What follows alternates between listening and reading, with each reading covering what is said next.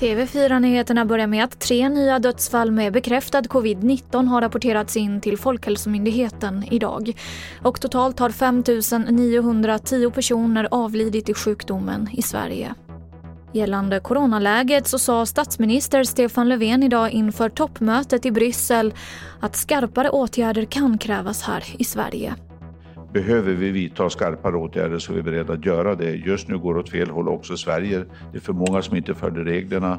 Det är inte okej okay att se bilder från nattklubbar där det är tätt med folk.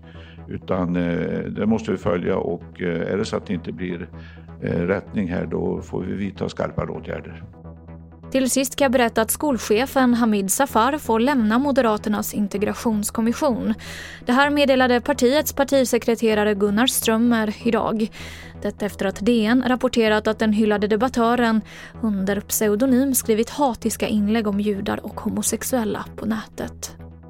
Och det var det senaste från TV4 Nyheterna. Jag heter Emily Olsson.